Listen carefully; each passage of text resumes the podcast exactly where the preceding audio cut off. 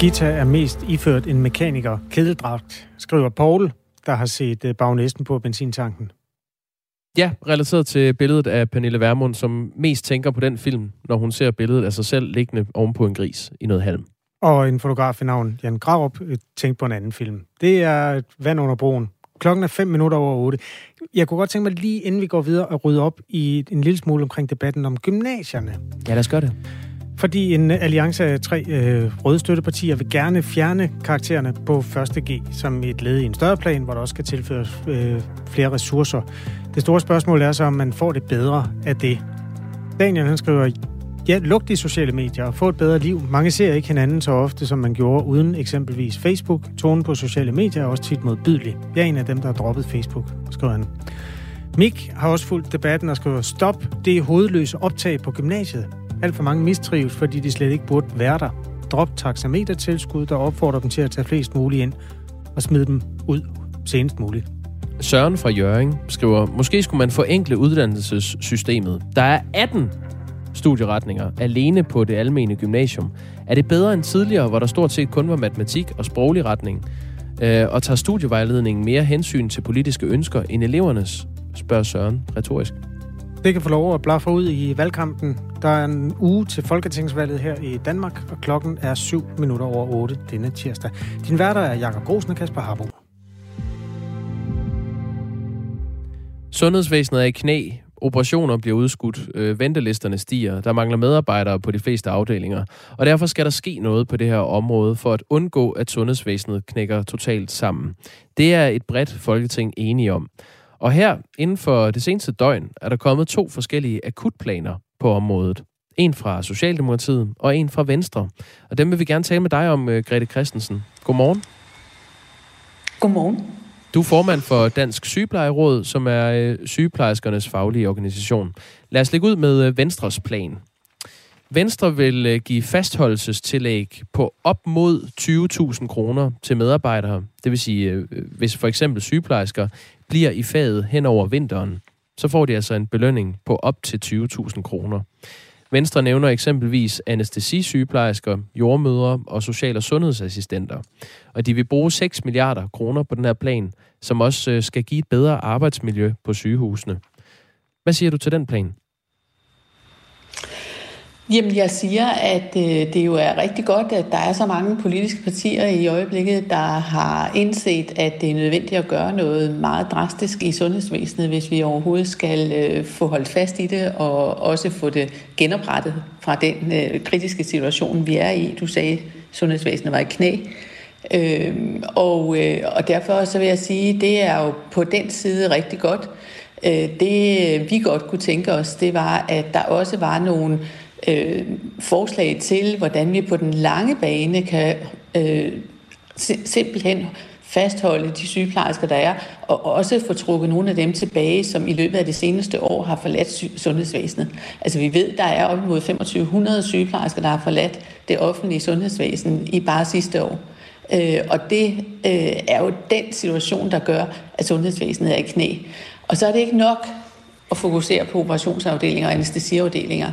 For hvis man begynder at arbejde hurtigere i de to afdelinger, så, så påvirker det jo alle de øvrige afdelinger. Så, så det er en lidt bredere plan, der er brug for, end det, der lige umiddelbart er lagt op til her. Men, men det både Venstre og Socialdemokratiet kommer med, er akutplaner. Der skal jo gøres et eller andet for, at vi kan komme igennem øh, vinteren. Og her er det så helt konkret et øh, tilbud om, at man kan få 20.000 kroner, hvis man bliver i faget. Eller i hvert fald op til 20.000 kroner, hvad det så end betyder.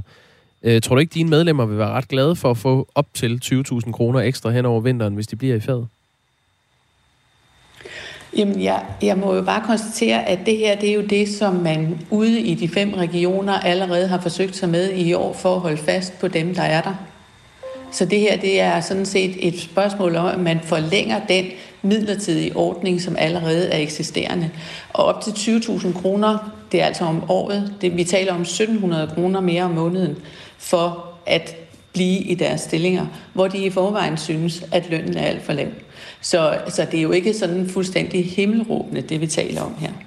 Mm, altså, det de formulerer er, at der er erfaringer fra sidste år med at give fastholdelsestillæg på op til 20.000 kroner hen over vinteren. Øhm, Læser du det sådan, at det er smutter ud over et år, eller er det et øh, beløb, man får, hvis man... Øh... Nu er det jo sådan, at jeg faktisk ved noget om, hvad det er, der foregår derude i dag. Og det er sådan, at man i flere regioner har givet øh, fastholdelsestillæg, både til dem, der arbejder i det døgndækkede område, og dem, der arbejder i operation og anestesi, for netop at holde fast på dem i øjeblikket. Øh, og det er så det, jeg ser, at der er brug for en bevilling fra øh, regeringen, Folketinget, til, at man kan fortsætte det. Men, men øh, jeg prøver bare på at sige, at man skal ikke forvente, at det her det vil vække den store jubel derude, fordi det er at fortsætte en midlertidig ordning, som øh, hvor man fra sygeplejerskernes side har håbet og ønsket, at der kom nogle forslag, som kunne være mere langvarige, altså at tegne ind i en fremtid med henblik på at give sygeplejerskerne en, en højere løn. Så du dumper øh, den her akutplan for Venstre? Nej, jeg dumper den ikke, men jeg siger, at det er ikke løsningen. Øh, og det er så noget, der er midlertidigt. Øh, og de taler også meget selv om øh, at forbedre arbejdsmiljøet. Det synes jeg er helt rigtigt. Øh, vejen til at forbedre arbejdsmiljøet er altså, at vi får en bedre løn, sådan så vi kan få nogle af de sygeplejersker tilbage i arbejdet, så der er nogle flere til at dele de mange opgaver, der er derude. Så lad os vende os mod øh, Socialdemokratiets plan. De har også en akutplan, som har syv punkter. De lyder som følger. Lønbonusser til medarbejderne. Andre faggrupper skal aflaste sundhedspersonalet fast track for autorisation af udenlandske sygeplejersker, altså så man hurtigere kan få udenlandske sygeplejersker i arbejde. Afskaffelse af modregningen i efterløn for medarbejdere i sundhedsvæsenet. Lettere øh, for studerende at tage pause fra studiet for at give en hånd med. Mulighed for at udskyde aktivitet uden patientkontakt på sygehusene. Og så er der udnyttelse af ledig kapacitet på privathospitaler. Hvad siger du til den plan? Jamen, altså hvis vi starter med punkt 1, som jo handler om lønbonusser, så har jeg øh, fuldstændig samme øh, kommentar til den, som jeg har til okay. Venstres plan, at det er, der, der mangler vi igen det langsigtede perspektiv. Det her, det kan bruges her og nu, øh, Øh, og det øh, er noget, som, øh, som øh, allerede eksisterer derude, øh, for overhovedet at holde fast på dem, der er. Og at man vil give ekstra tillæg for overarbejde, jamen det tror jeg også, de fleste andre medarbejdere i andre brancher regner med, at hvis man arbejder mere, så får man også mere. Så øh, det her, det, øh, det, det er det er en fortsættelse af det, vi ser i øjeblikket, som faktisk er det, der får sundhedsvæsenet til at hænge sammen. Og det, er det, det skal jo så ikke forveksles med det Øh, princip, som Socialdemokratiet har varslet, at de vil fremlægge senere på ugen, altså øh, om, at der er nogle grupper i, i sundhedsvæsenet eller offentlige øh, medarbejdere, som skal have mere i løn. Det er ikke en del af det her. Det her det er en akutplan. Øh, Grete Christensen, du er formand for Dansk øh, Sygeplejeråd. Der er jo så også andre tiltag i øh, Socialdemokratiets plan, blandt andet, at, øh, at andre faggrupper skal aflaste sundhedspersonalet. Lyder det ikke godt? Jamen, det er jo lige præcis det, der foregår hver eneste dag på, det danske, øh, på de danske sygehuse. Altså, vi har jo alle mulige forskellige andre faggrupper, der forsøges at blive trukket ind for at hjælpe med at øh, løfte der, hvor der mangler så mange sygeplejersker. Øh, og det kan være farmakonomer, det kan være øh, øh, serviceassistenter, det kan være lægesekretærer, administrativt personale, der kan aflaste, det kan være fysioterapeuter, ergoterapeuter, det kan være mange forskellige, som på forskellige vis øh, er hjælper. Og det er jo faktisk også det arbejde, man har sat i gang i forhold til Robusthedskommissionen, hvor man gerne vil afdække, hvordan man i højere grad kan øh, fordele opgaverne anderledes. Men tilbage står, at det, der er vores allerstørste problem i sundhedsvæsenet i dag, det er, at vi mangler sygeplejersker, fordi det at udføre sygepleje, det tager tre et halvt år uddannelse til det. Det går man jo ikke bare ind og overtager, hvis man har en anden uddannelse. Jeg har en øh, oplevelse af, at, at du ikke står med hænderne over hovedet, mens jeg læser de her to planer op for dig. Øhm, dumper du også den her plan? Jamen, jamen jeg, jeg må bare sige, at der ligger nogle ting i den her, som, øh, som øh, er en forestillelse af den øh, forsøget på at slukke ildebranden hver eneste dag på hospitalerne i øjeblikket. Øh, og det vi øh, kigger meget stift efter, det er, hvornår kommer de med forslaget til, hvordan vi mere langsigtet kan sikre, at sygeplejerskerne får en løn, så de også har lyst til at arbejde i det offentlige sundhedsvæsen.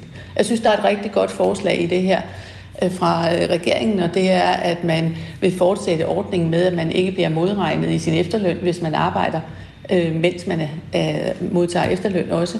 Øh, her ligger der helt klart øh, nogle øh, arbejdstimer, som kan tages i anvendelse meget hurtigt. Det synes jeg er rigtig godt. Hvis du lige sådan helt kort skal sige, hvilken en af de her planer, du foretrækker, hvad for en vælger du så?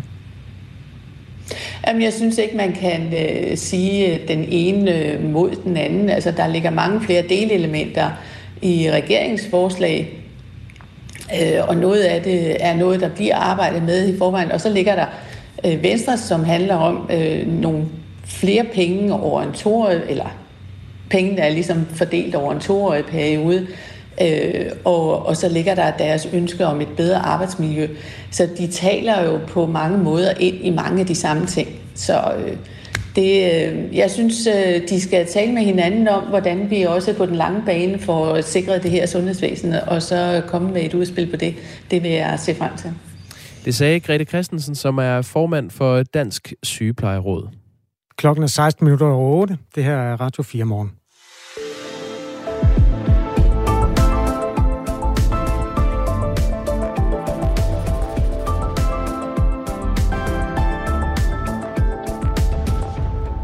Valgkampen er i fuld gang øh, alle steder i Danmark. Hver eneste hjørne har besøg af folketingskandidater, der viser flaget og krydser klinger i debatter. Og vi følger dem for at finde ud af, hvad ægte valgkamp egentlig er gjort af. Arbejdermuseet i København, der holder BUPL øh, valgdebat. Birgitte Konradsen er næstformand, og øhm, det skal jo handle om, hvordan man fremtidssikrer rammerne for det gode børneliv, og hvordan de vil sikre pædagoger nok. Godmorgen, Birgitte øh, Konradsen. Godmorgen hos øh, altså BUPL, pædagogernes øh, fagforbund. Hvad håber jeg får ud af at samle politikerne netop der på Arbejdermuseet? Altså, vi håber selvfølgelig at få en rigtig god debat mellem øh, nogle af vores dygtige medlemmer og så de politikere, som øh, jo har sat deres kandidatur, kandidatur til, til rådighed til Folketing. Altså det vi jo selvfølgelig håber på, det er, at, øh, at vi kan få nogle svar, nogle gode svar for politikerne i forhold til, hvordan vi forebygger den mistrivsel blandt unge som, øh, og børn og unge, som vi hører rigtig meget om, og som er der lige nu. Øh, og vi tænker jo rigtig meget, at, at det her det handler om høj faglighed og, og at, pædagoger, at der er pædagoger nok både i vores daginstitutioner, SFO og skoler. Det vil vi gerne have nogle, det vil vi rigtig gerne have nogle svar på. Og så vil vi også Ja, ja, jeg vil bare lige rise op for de mennesker. Så skal jeg nok få lov at uddybe om lidt. Ja, okay. øhm, i øh, panelet er Pernille rosenkrantz teil fra Socialdemokratiet, øh, Jakob Mark fra SF, Lotte Rod fra Radikale Venstre, Rosa Lund fra Enhedslisten, Britt Bager fra Konservativ, Linnea Søgaard Liddell fra Venstre og Ellen Emily fra Moderaterne. Tror I, øh, jeres arrangement kan hjælpe nogle af vælgerne til at sætte krydset det rigtige sted?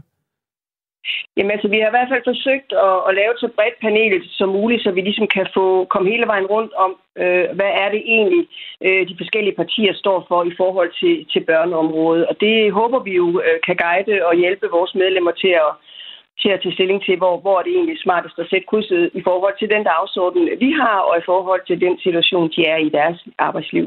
God fornøjelse, og tak fordi du vil tale med os her til morgen. Ja, selv tak. Næstformand i BUPL, altså Pædagogernes Fagforbund, Birgitte Konradsen. I Aalborg skal der være debat med fokus på især klima, energi, privatøkonomi og velfærd. Det foregår hos forsyningsselskabet Nordlys i Aalborg her til formiddag. Det begynder om øh, tre timer. Og her er du, øh, Ulf Lund, direktør for Stakeholder Relations. Godmorgen. Godmorgen. Hvorfor skal et forsyningsselskab holde valgdebat? Nordlys er en meget stor jysk virksomhed. Vi har 3.000 medarbejdere fordelt på især fire store lokationer, nemlig Esbjerg, Aalborg, Aarhus og Silkeborg. Derudover så øh, er vi faktisk ejet af 800.000 helt almindelige jyske husstande. Vi er et andelsselskab, og vi er selv baseret på et demokratisk fundament.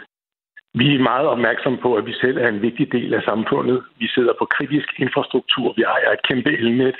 Vi ejer et kæmpe fibernet, og derfor så det, vi gør, det har stor betydning for hele samfundet. Og af samme grund, så synes vi, det er rigtig naturligt, at vi inviterer samfundet indenfor hos os. Og vi holder faktisk valgdebatter alle de fire steder, som jeg nævnte før. Vi holdt i Aarhus lige inden efterårsferien. I dag er det så Aalborg. Mm. Og senere på ugen bliver det så også i Silkeborg og i Esbjerg. Og det, som øh, vi jo synes er rigtig spændende, det er øh, også, at vores medarbejdere kan være med til at påvirke, hvad politikerne taler om. Så vi har bedt polit- eller vores medarbejdere om at melde emner ind, og det er dem, der har fundet på, at det, vi skal snakke om i dag, det primært er velfærd, sundhed, miljø, klima og så selvfølgelig energi. For det, der jo ligger vores medarbejdere og os allermest på scene, det er nok, hvad politikerne gør for at undgå, at vi næste år og næste år igen sidder i den samme energikrise, som vi gør i dag. Mm. Med stigende energipriser og med en masse danske familier, der virkelig er presset på økonomien. I får blandt andet besøg af Ane Halsbro Jørgensen fra Socialdemokratiet, Marie Bjerre fra Venstre, Peter Velblund fra Enhedslisten, Jakob Axel Nielsen fra Konservative. Hvad er det væsentligste at få øh, svar på? Ja, som jeg sagde, jeg tror, at særligt øh, energikrisen fylder rigtig meget hos vores medarbejdere. Og øh, vi ved jo, at politikerne har indført forskellige hjælpepakker. En vinterpakke nu her, som gerne skulle kunne hjælpe med at få danskerne igennem vinteren, uden at skulle gå fra hus og hjem. Men det er jo kun en kortsigtet løsning. Så hvad er politikernes bud på, hvad vi gør på den lidt længere bane, for at undgå, at vi bliver siddende fast i en umulig energikrise. Det tror jeg er det allervigtigste at få svar på. Tak skal du have, Ulf Lund, direktør for Stakeholder Relations hos forsyningsselskabet Nordlys i Aalborg.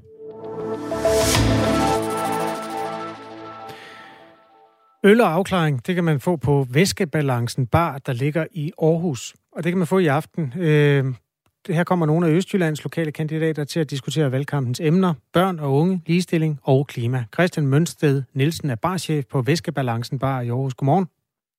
Godmorgen. Går det godt øh, hånd i hånd politisk debat og øl? Ja, det synes vi. Uh, der er vel en del politiske aftaler, der er blevet lavet over det. Så hvorfor ikke holde en debat? Hvem tror I kommer til øh, det her? Jamen, jeg tror primært, det er vores sådan, faste klientel, der er unge mennesker i sådan alderen til 18 til 32. Og det er også på baggrund af det, vi har valgt de emner, vi skal debattere i aften. Jeg skal lige sige, inden du kommer til emnerne, Nicoline Erbs Hillers Bensen fra Alternativ deltager. Det gør også Sofie Lippert fra SF, og endelig Lotte Friis Bøing, som kommer fra Konservativ. Hvad skal de diskutere over en bajer? Jamen, øh, trivsel her, specielt børn og unges trivsel, så ligestilling og klima. Og grunden til det, det er, fordi det er emner, vi oplever, der bliver snakket og talt om en del på baren, og så synes vi også, de passer rigtig godt til de kandidater, som har haft mulighed for at komme. Hvilket emne får øh, sådan flest følelser frem af de ting, du talte om her? Øh, på baren, eller ja. for mig personligt? Jamen, måske begge øh, dele. Jamen, altså, jeg tror, det, der kan sætte øh, den største debat i gang over en øl, det, det er muligvis ligestilling. Der har, er det lidt forskellige øh, holdninger, folk har, har til det. Men øh, for mig så er det nok klima. Det synes jeg det er det vigtigste emne her i den her valgkamp. Du har inviteret tre kvinder. Er det med vilje? Øh, overhovedet ikke. Jeg synes ikke rigtig, øh, køn spiller ind her. Det, det primært at de er unge. Rigtig god fornøjelse, Christian Mønsted Nielsen. Jo, tusind tak. Tak fordi vi lige måtte hilse på dig. Barchef på Væskebalancen Bar i Aarhus. Hvis du kender et fedt arrangement, som du synes, vi lige skal stikke snuden ned i en af morgenerne her, hvor vi ruller rundt i valgbussen, så må du gerne skrive til os. Redaktion snabelag radio 4 med et firtal.dk. Du kan også skrive ind på 1424.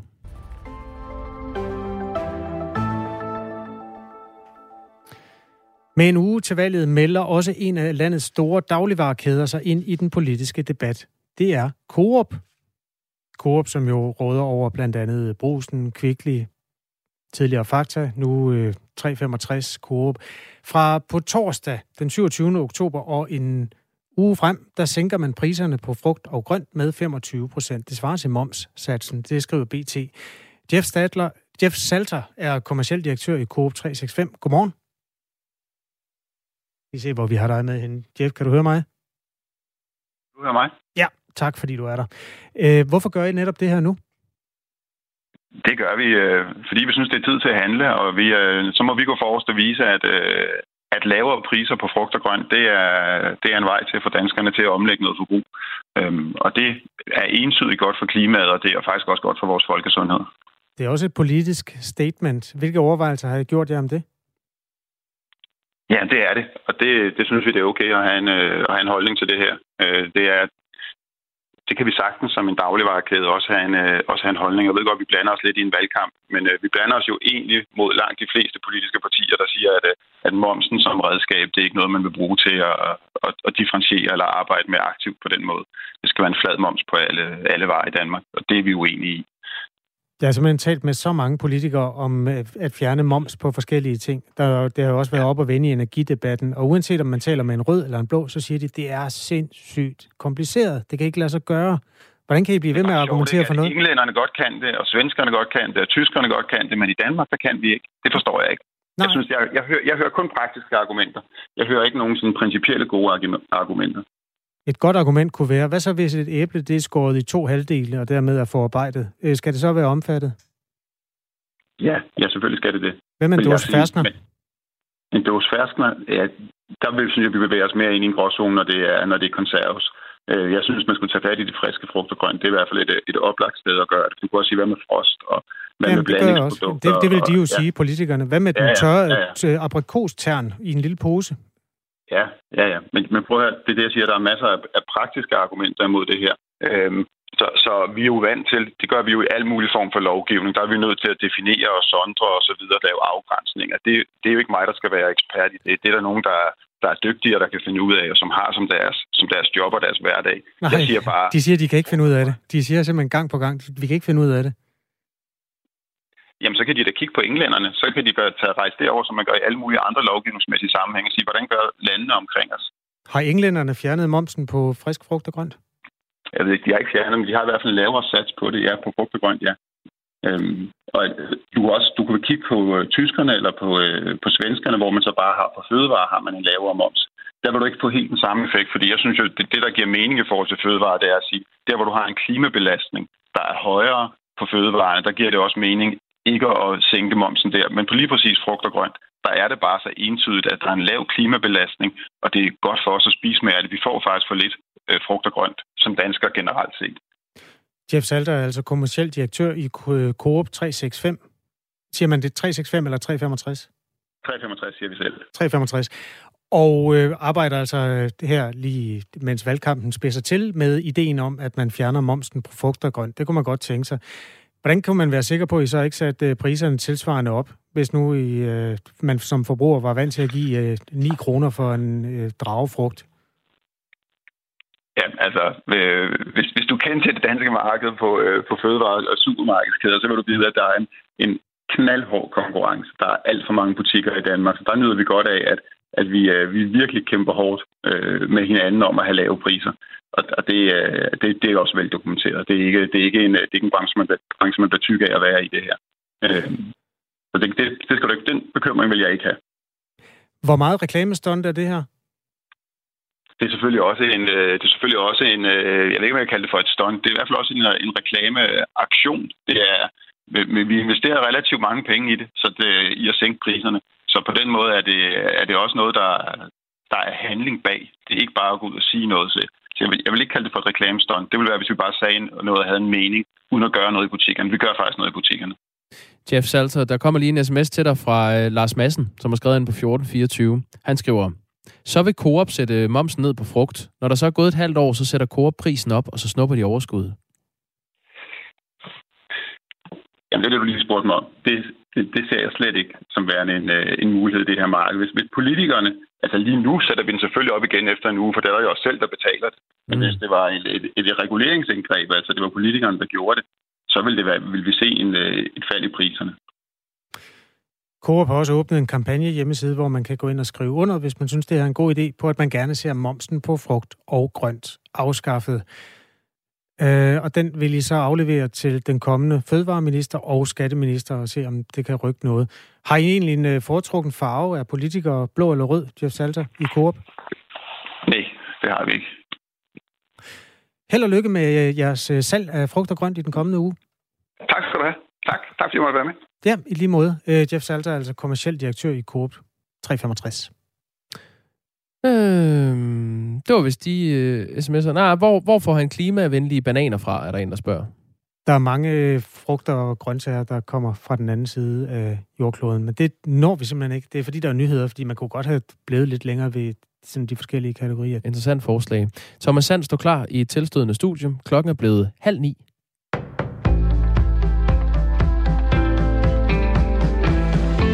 Der er ingen opbakning fra Jakob Ellemann Jensen og Søren Pape Poulsen til Moderaternes ønske om en bred regering over midten. Ikke desto mindre tror Moderaterne stadigvæk på, at partierne vil ændre mening efter et valg. Det siger Jakob Engel Schmidt, politisk chef og folketingskandidat for Moderaterne, efter en måling igen giver partiet de afgørende mandater. Vi oplever, at der er god mulighed både til højre og venstre i Folketinget. Og vi håber også, og vi håber også at kunne være med til at, at binde en ansvarlig regering sammen hen over midten. I voksmetermålingen står Moderaterne til 11,5 procent af stemmerne og 21 mandater. Hverken rød eller blå blok kan tælle til de nødvendige 90 mandater uden partiet. Til gengæld står Socialdemokratiet, Moderaterne og Venstre sammen til 91 mandater og flertal i målingen. Moderaternes politiske leder Lars Løkke Rasmussen har tidligere sagt, at han mener, at Socialdemokratiet skal være en del af en bred regering. Ørsted har indgået en aftale med investeringsselskabet Copenhagen Infrastructure Partners om at udvikle 5,2 gigawatt havvind i Danmark, det skriver selskabet i en pressemeddelelse.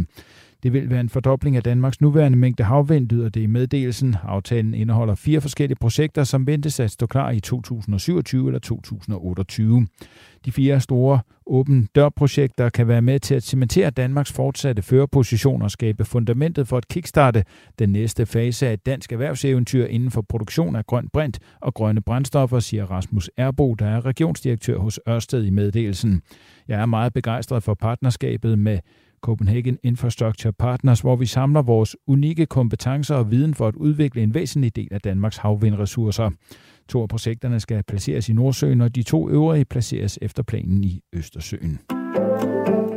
Venstre vil give et fastholdelsestillæg på op til 20.000 kroner til eksempelvis sygeplejersker, jordmøder, sosuer og andet sundhedspersonale.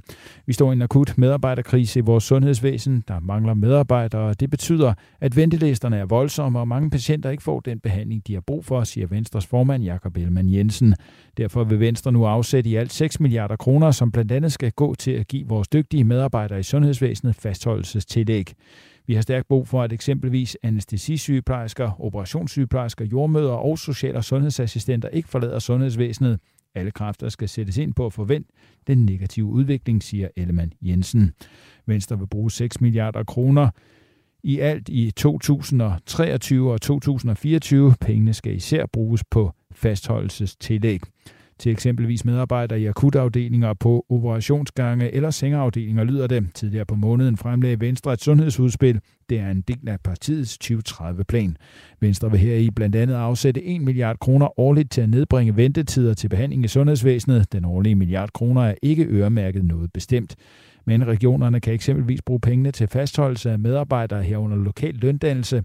Fastholdelsestillæg og overarbejdstillæg fremgår der udspillet. Med en uge til folketingsvalget retter Venstre nu yderligere fokus på fastholdelsestillægget. De er alt 6 milliarder kroner i 2023 og 2024, som altså især skal gå til netop fastholdelsestillægget vil gavne sundhedsvæsenet, det mener Venstres næstformand Stefanie Lose. Hun er også regionsrådsformand i Region Syddanmark. Sundhedsvæsenet skal være en arbejdsplads, der kan tiltrække og fastholde de nødvendige og dygtige medarbejdere, som patienterne så hårdt har brug for. Og jeg er sikker på, at Venstres kriseplan vil få en positiv effekt. Vi har nemlig gode erfaringer med at sætte ind lokalt og give tillæg der, hvor der er brug for at fastholde og rekruttere medarbejdere, siger Stefanie Lose. Vækstende skydække med lidt sol og spredte byer i dag, og så får vi temperaturer op mellem 12 og 15 grader.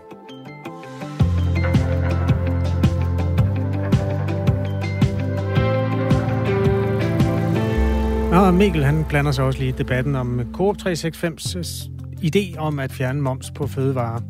Vi talte jo med en direktør fra Coop 365 før nyhederne. Øh, Mikkel skriver, lad os nu sige, at han ikke får ændret sit fødevareforbrug for, på grund af moms. Hvor går besparelsen så hen? Jeg gætter på, at den går til Kina og til lufttrafik, og dermed mere CO2, skriver Mikkel, der har taget den helt store øh, nationaløkonomiske kugleramme frem Helle gør opmærksom på, at hvis frugt og grønt er gødet med gylde, som efter 1960 blev almindeligt, så er disse absolut ikke klima- eller miljøvenlige. Den sms landede på den rette hylde, nemlig nummer 1424. Det her er Radio 4 Morgen med Jakob Grosen og Kasper Arbo. Godmorgen. Godmorgen. Med en uge til valget tyder alt på, at flere end nogensinde før sætter liden til en af de mange kandidattests, som man kan tage på internettet.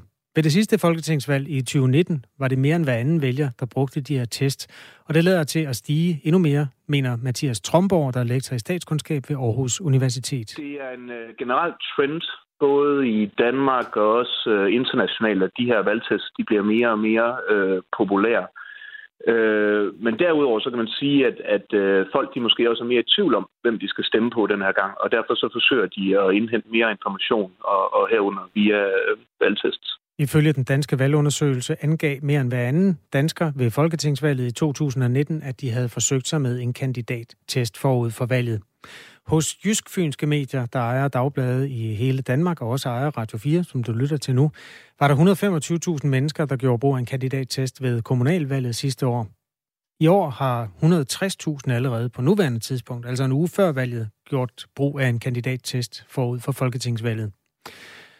Og øh, vores reporter, Gustav Pors Olesen, gik en tur på gaden for at spørge øh, nogle af de mennesker, som øh, bruger kandidattest, hvad de egentlig bruger dem til. Ja, det har jeg. Jeg, jeg var lidt, lidt i tvivl om, hvad jeg skulle stemme, så jeg tænkte, det var den øh, gode måde at finde ud af det på. Er det noget, du kommer til at øh, stemme efter? Ja, det tror jeg faktisk, det er. Det, det tænker jeg. Er det øh, nemmere for dig at tage sådan en valgtest, end det ville være at sætte dig ind i alle de forskellige politikers øh, overbevisninger og holdninger eller sådan? Ja, det synes jeg, det er. Det, det, går, det går ret hurtigt, og så kan man hurtigt se, okay, det er dem partier, jeg er mest enig i. Så det, det er meget smart, synes jeg. Er det øh, for smart? Ja, det kan godt være, det er lidt for smart, men man burde måske også sætte sig lidt mere ind i det. Øh, men altså, jeg synes, hvis man, hvis han er måske en, der ikke går sådan mega meget op i det, eller ikke, ikke vil bruge alt for meget tid på det, så synes jeg, det, det er meget smart. Og så kan man altid vælge, om man vil bruge det eller ej. Ja. Ja, jeg har både taget ved DR og øh, ja, hvad, TV2 og sådan, for at se, hvor der jeg ligger henad. Øhm, ja, og ikke overraskende nok, så ja, er jeg over i blå. Øhm, ja. Øhm. Men er det noget, du kommer til at stemme efter? Altså kommer du til at, at, at rette efter det, som testene nu, øh, det, det de nu faldt, faldt ud som? Øhm, altså personligt, øhm, min personlige stemme den kommer nok til at gå til ja, dem, som, som er i, i valgtesten der, men, men partiet, det, Ja, det kommer bare til at være efter min egen sådan, politiske opfatning. Sådan. Ja. Stemte testen øh, overens med det, du også ligesom øh, ville have sagt inden, eller der, hvor du ligesom selv troede, du, du lå rent politisk? Øhm, ja, i bund og grund, altså med en lille bitte smule sådan, afvielse, øhm, men, men det var stort set det samme. Ja. Hvad synes du om sådan nogle øh, valgtest? Synes du, det er et øh, godt redskab for, øh, for, for vælgere som øh, dig og mig og, og alle mulige andre, at man kan gå ind og tage en test, og så kan den ligesom fortælle en, hvad, hvad man ligesom skal stemme? Jeg synes, det er en smadret god idé, specielt for øh, nye vælgere og øh, folk, der måske ikke øh, sætter så, så meget ind i politik, men stadig gerne vil ud og øh, give deres stemme med i, i, i hvad hedder det, samfundet. Øh, for, ja. Ellers så, så tænker jeg måske, at øh, mange af dem, de vil bare vælge at, at blive derhjemme, og så lade være med at komme ud og stemme, og det synes jeg er sådan lidt, øh, ja, det er bedre i hvert fald lige at komme ud og sætte sit præg, øh, end ikke at gøre noget. Har du øh, efterprøvet, at øh, de så også står inden for de ting? Øhm, det er ikke noget, jeg har lagt mærke til som sådan, men øh, jeg går bare ud fra de værdier, som, som de forskellige partier, der de, de siger, de går efter, og så har jeg egentlig min tillid til det. Sådan sagde altså Nita Jacobsen og Mikkel Fisker Olesen, der begge kommer til at skele til kandidattesten, når de skal lede efter det rigtige sted at sætte kryds.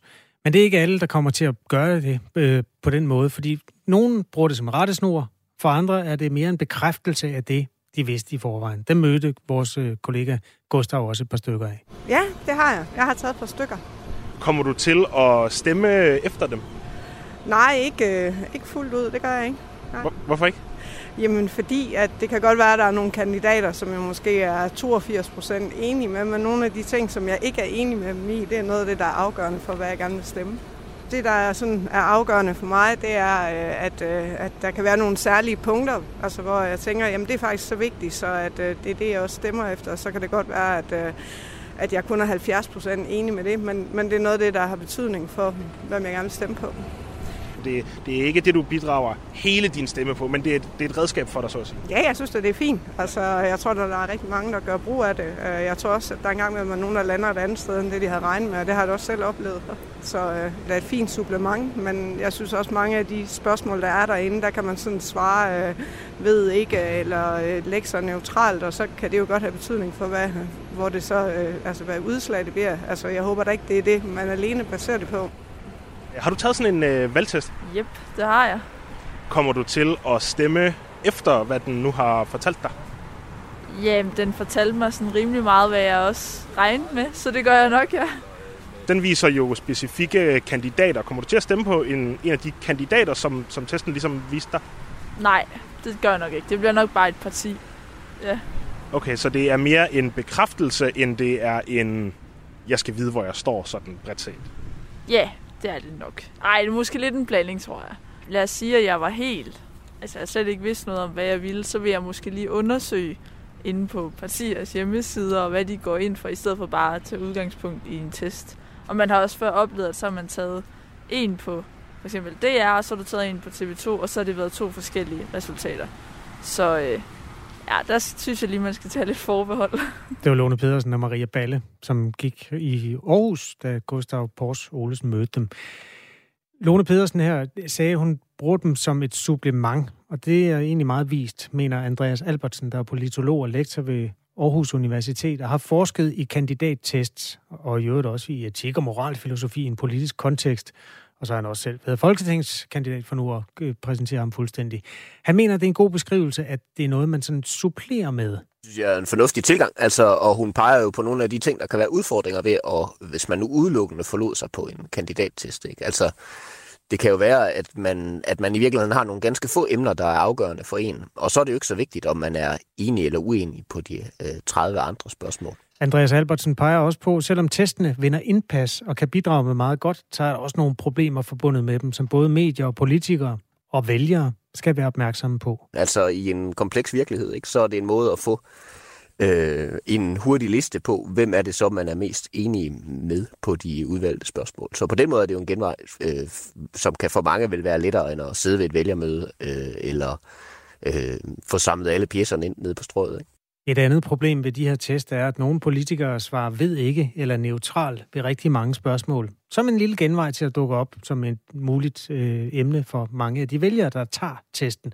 Og det kan også være problematisk, mener Andreas Albertsen. Man skal nok have et lidt naivt syn på politikere, hvis man ikke tror, at der er nogen, der spekulerer i at svare øh, mere moderat, og måske endda den der lige midt på, for at... Øh, for at blive vist til flest mulige vælgere. Øh, og derfor så, øh, så kan man sige, så fortjener man jo næsten at komme i, i radioen, hvis det, man har gjort, er, at man har sagt øh, ved ikke, eller neutralt til, til alle spørgsmål. Det synes jeg, det synes jeg, ja, det synes jeg er en, altså det, det, er i hvert fald godt at, at diskutere, om der er nogle politikere, der ligesom, der gør det for lidt for sig selv på den måde, ikke? Øh, og der er jo så nogen, der er nogen, af dem, der designer kandidattester, og forsøger at komme udenom det her, hvis man ikke har en midterkategori, altså prøve at få politikeren lidt ud af busken øh, og sige, at man kan godt sige ved ikke, så tæller den bare ikke med i målingen. Øh, men, men man er nødt, altså forventer, at folk stiller op til Folketinget, de har en holdning til de fleste ting, ikke? Øh, så de ikke kan svare øh, neutralt. Jeg løb igennem den der test, som TV2 har lavet, for, og så valgte jeg lige Nordjyllands valgkreds, bare for at vælge et eller andet. Og så tog jeg som vælger betragtet neutral på alle de spørgsmål, der blev stillet. Og det viser sig, at der var faktisk nogen, der var 80% enige med mig i, i det, at alt skal være neutralt. Det var altså sådan nogle ret sort-hvide spørgsmål, som flere coronarestriktioner, øh, skal vi have et øh, asylmodtagecenter i Rwanda og sådan noget. Nå, men jeg fandt en venstremand, der hedder Henrik Bukhave, og en konservativ kvinde, der hedder Lene Burkhardt, som var 80% enig med mig i mit meget neutrale verdenssyn. Så det kan jo godt være, at Andreas Albertsen her har en pointe, når han siger, at nogle af dem bruger det. Det er det, et uh, repræsentativt demokrati kan. Der kan man finde nogen, ligegyldigt hvad man mener. Inger Jonas, har skrevet. Ja, nå, Inger, jeg tager den. Jamen, så tager du Jonas bagefter. Okay. Inger skriver, jeg er ikke enig med testens resultat. Spørgsmålstegn, spørgsmålstegn. Nå, det er surt. Men du behøver heller ikke at stemme efter det, Inger, hvis du ikke er enig med, med dig selv i den test. Øh, Jonas fra Birkerød skriver, jeg er jo kæmpe rød i DR's test, men så blå, at jeg kunne være kongelig i TV2's test. Så umiddelbart ikke et brugbart redskab. Okay, fin jagttagelse der. Skriv til os, hvis du har taget en øh, test. Man kan skrive til os på nummeret 1424. Man skal bruge sin telefon. Nu beder vi om et fornyet mandat. Mandat på Radio 4 dækker Folketingsvalget. Og derfor har jeg i dag meddelt hendes majestæt dronningen, at der udskrives valg til Folketinget. Med skarpe politiske analyser og kontante spørgsmål. Hvordan er det at træde ind i en valgkamp, hvor I ikke står så sikkert? Det er hele ideen om en midterregering blev skudt ned af Blå Blok, men i virkeligheden også af Enhedslisten og SF. Lyt til Mandat i morgen kl. 11.05. Radio 4. Vi giver dig valget. Du sætter krydset. Lykke har ved ikke at fortælle, hvilken statsministerkandidat han foretrækker, formået at reducere dansk politik til et Jallerup marked, hvor han kan faldbyde sine mandater til højstbydende statsministerkandidat. Det er dig, der har skrevet det, Rasmus Stocklund. Det er dig, der har skrevet det. Godmorgen. Ja, det er rigtigt. Godmorgen. Det er et øh, citat fra et indlæg, du har skrevet i Jyllandsposten. Øh, du er politisk ordfører for Socialdemokratiet. Du taler selvfølgelig om Moderaternes øh, formand og tidligere statsminister Lars Løkke Rasmussen. Hvad mener du med, at han reducerer dansk politik til et Jallerup marked? Det synes jeg, han gør ved ikke at bekende kulør. Altså alle andre partier, der ved man, eller næsten alle andre partier, der ved man, hvad man får, når man stemmer på dem, altså hvilken statsminister de peger på. Her, der insisterer Lykke på at holde dørene åbne, og han prøver at give et indtryk af, at han godt kunne finde på at pege på Mette Frederiksen. Og det har jeg simpelthen svært ved at forestille mig kan være rigtigt. Øh, fordi når man ser på substansen, altså ser på, hvad er det for en politik Lykke, han dels har stået for i de tre årtier, han har været øh, fuldtids- og toppolitiker, og dels hvad er det for en politik, han går til valg på, så er der utrolig mange elementer, der harmonerer temmelig dårligt med, at han skulle kunne pege på Mette Frederiksen, som han så i øvrigt var en af dem, der startede med at kalde magtfuldkommen. Han var en af de første, der begyndte at kalde hende det. Det har han jo sådan set gjort siden få uger efter Folketingsvalget i 2019.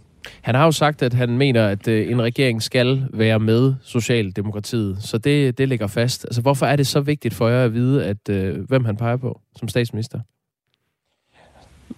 Fordi altså, han har sagt, at han synes, at Socialdemokratiet skal være med, men han har jo ikke sagt noget om, hvilken rolle han synes, vi skal spille. Og hvis det er sådan, at han kan lave et flertal med blå blok, og så øh, tilrettelægge et program, hvor Arne-pensionen skal rundbarberes, og der skal fyres en masse offentlige ansatte, og hvad ved jeg, og man så derefter siger, men Socialdemokratiet er velkommen til at være med, hvis jeg har lyst, så har jeg svært ved at se for mig, at det var noget, vi havde øh, kunne se os, eller at vi ville kunne se os selv i. I har jo også sagt, at øh, I vil danne regeringen ind over midten, gerne med Venstre eller Konservativ. Det er de blankt afvist, men I fastholder, at det vil være en god ting. Øhm, hvorfor reducerer I ikke dansk politik til jeres marked ved at sige sådan noget? Fordi jeg synes sådan set, at vi har været ret ærlige siden grundlovsdag, hvor at vi første gang sagde, øh, og det var Mette Frederiksen, der sagde det i sin grundlovstale, at hun synes, der kunne være en værdi i at prøve at overveje, om ikke man kunne etablere et samarbejde hen over midten, inspireret af det arbejde, man lavede med det nationale forsvarskompromis, hvor at man jo sammen øh, SF, radikale, øhm, øh, konservative, venstre og socialdemokratiet satte sig sammen, og så lavede en aftale, der rækker mange år ud i fremtiden for at styrke dansk forsvar i den situation, vi nu står i, hvor Putin han øh, opfører sig, som han gør. Og, øh, og derfor så øh, åbner hun op for, nu hvor vi står i en svær tid, der er inflation, øh, der er i det hele taget en usikker økonomi forude og en krig i vores nabolag, så kunne der være en fornuft i, at vi prøver at se, om man ikke kunne samarbejde hen over midten. Og derfor håber vi jo også, at Venstre og Konservativ, de måske vil genvurdere øh, det her forslag, når øh, valget er afgjort. Tror du helt alvorligt, de ved det? Altså, de har hele tiden øh, fuldstændig afvist, at, øh, at det er noget, de har lyst til. Jeg vil give dig ret i, at det tyder jo på, at de ikke vil, fordi indtil videre, så har de jo desværre afvist det ret bestandt. Men jeg synes bare, når man tænker tilbage på den her regeringsperiode, og så ser, hvordan har vi egentlig arbejdet i Folketinget, altså så har vi jo indgået i rundetal 350 politiske aftaler, og 9 ud af 10 af dem, der har der været mindst et blot parti med, og mm. vi har lavet rigtig mange gode aftaler sammen med både Venstre og Konservativ. Ja, men det ændrer bare ikke på, at, at de har sagt, at vi, vi kan godt lave aftaler med Socialdemokratiet, men vi vil under ingen omstændigheder gå i regering. Det har ingen gang på jorden. Men det fastholder I alligevel, at I vil. Øh, er I ikke også med øh, til at, nu bruger jeg ordet fedt spille, som øh, flere socialdemokrater også har brugt om, øh, om Lars Lykke. Er det ikke også det, I gør her?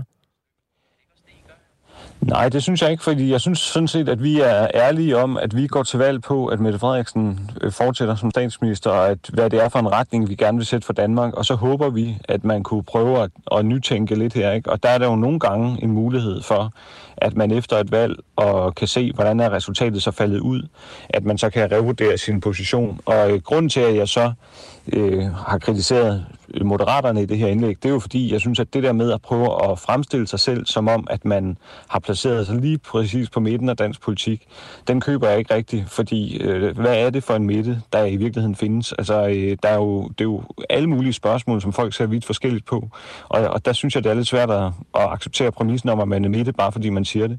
Især når man så, og det er jo et af de eksempler, jeg bruger i indlægget, øh, har en, en skattepolitik, en fordelingspolitik, som sådan set giver selv Liberal Alliance baghjul. Altså den er jo så vild, at selv Cepos siger, at øh, det er faktisk øh, det skæveste, der er lavet i, i Danmark i det her tusinde. Og der er så den forskel på os og Cepos, og Cepos synes, det er en god ting, så har jeg indtryk af.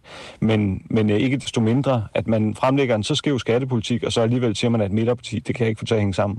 Det her med at gå øh, til et valg øh, med målet om at lave en regering ind over midten, det er jo øh, set før Øh, senest i 2019, hvor Lars Lykke øh, var formand for Venstre og gerne ville lave en regering ind over midten, blandt andet med Socialdemokratiet. Hvor meget overvejede I dengang at gå med i regeringen?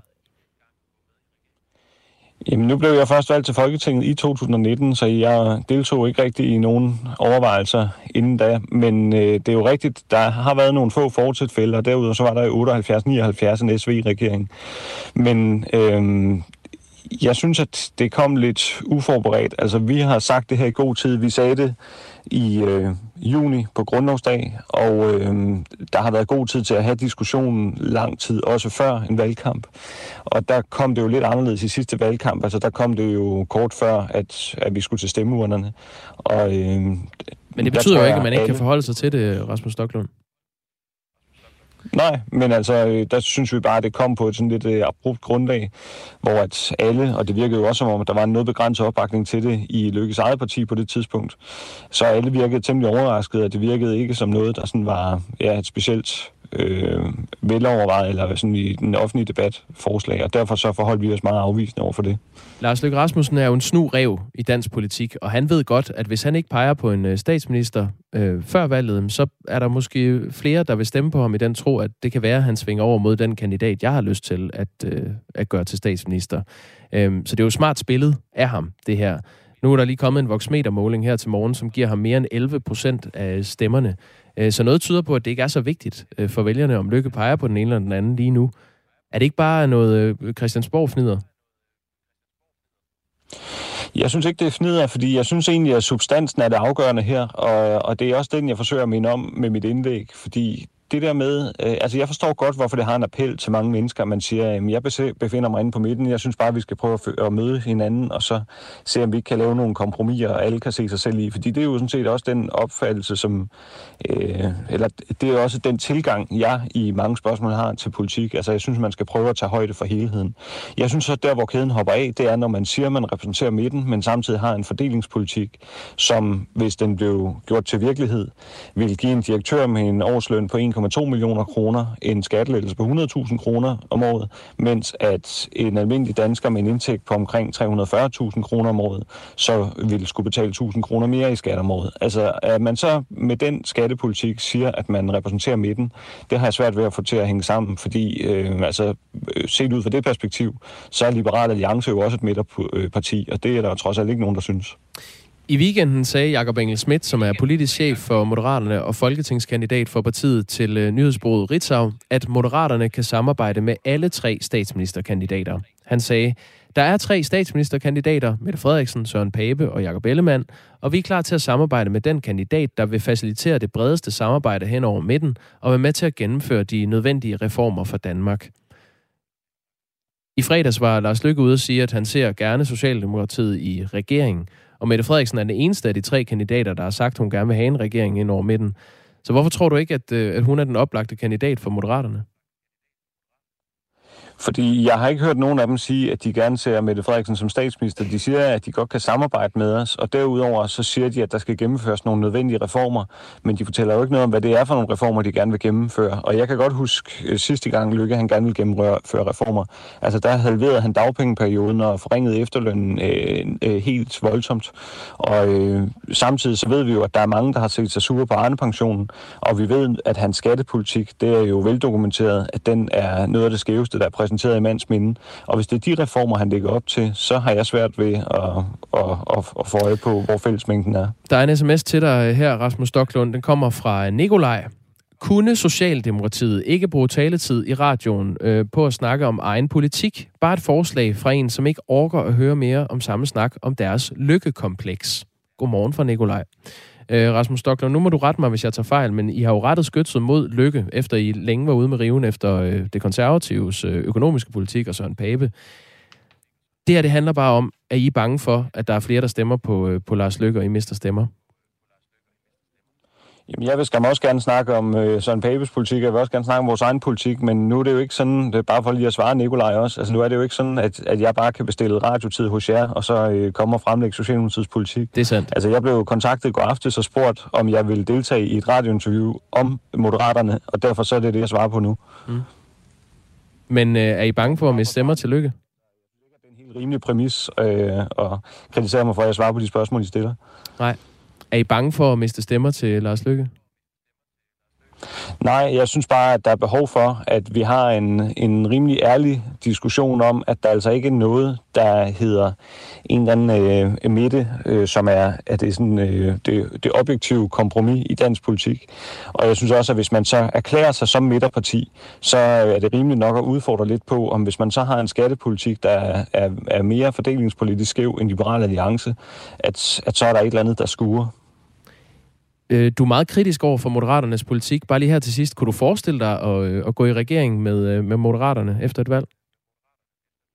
Jamen, jeg er ikke sat i verden her for at sidde og, og afgøre noget ultimativt. Jeg sætter bare spørgsmålstegn ved, om det virkelig kan være rigtigt, at Lykke, som jo har øh, været kendt for i de mange år, han var statsminister og fremtidig minister, og gennemføre store nedskæringer på det offentlige, øh, centraliseret øh, Danmark voldsomt, indgå mange utrolig smalle aftaler, hvor at blandt andet var grundlag for centraliseringen, altså her tænker jeg på kommunalreform i stedet for, øh, at han har øh, jo nu lagt en skattepolitik frem, der er mm. til gode sæt i super rige, og øh, som almindelige med danskere skal betale for, at det skulle være et midterprojekt, og at, at det skulle være et ønske om at finde sådan midten i dansk politik, det forholder jeg mig bare skeptisk øh, overfor lige øh, i øjeblikket. Så lyder det fra politisk ordfører for Socialdemokratiet, Rasmus Stoklund, som altså mener, at Lars Lykke har reduceret dansk politik til Jallerup Marked. Der er til gengæld masser af opbakning til Coop 365, hvor vi talte med Jeff, øh, som er kommersiel direktør på de kanter. Mm. Og man har jo en kampagne, nogen vil kalde det et stunt, øh, selv kalder de det en kampagne, hvor de nedsætter prisen på frugt og grønt i bestræbelsen på at gøre og politisk opmærksom på, hvor fantastisk det vil være, hvis en befolkning indtog noget mere af det. Og nu er vi jo presset alle sammen. Det er en gammel politisk diskussion, om der kan laves øh, differentieret moms. Nå, men der er flere, der synes, det er fedt. Jeg stemmer på det parti, som vil indføre differentieret moms på frugt og grønt. Jeg har ikke hørt nogen gå til valg på det, men øh, ja, det er mig, der tilføjer det. Ja, men øh, der kunne man i hvert fald hente en stemme. Læs lige den fra Claus Høgh. Han har en Øh, får jeg et kursus i procentregning, skriver Claus, Claus Høgh og fortsætter. Hvis Coop sætter prisen ned med 25 procent, er det mere end momsen. Den udgør 20 procent af prisen, inklusive moms. Generelt et problem, at journalister ikke kan regne og har et fjollet forhold til enheder.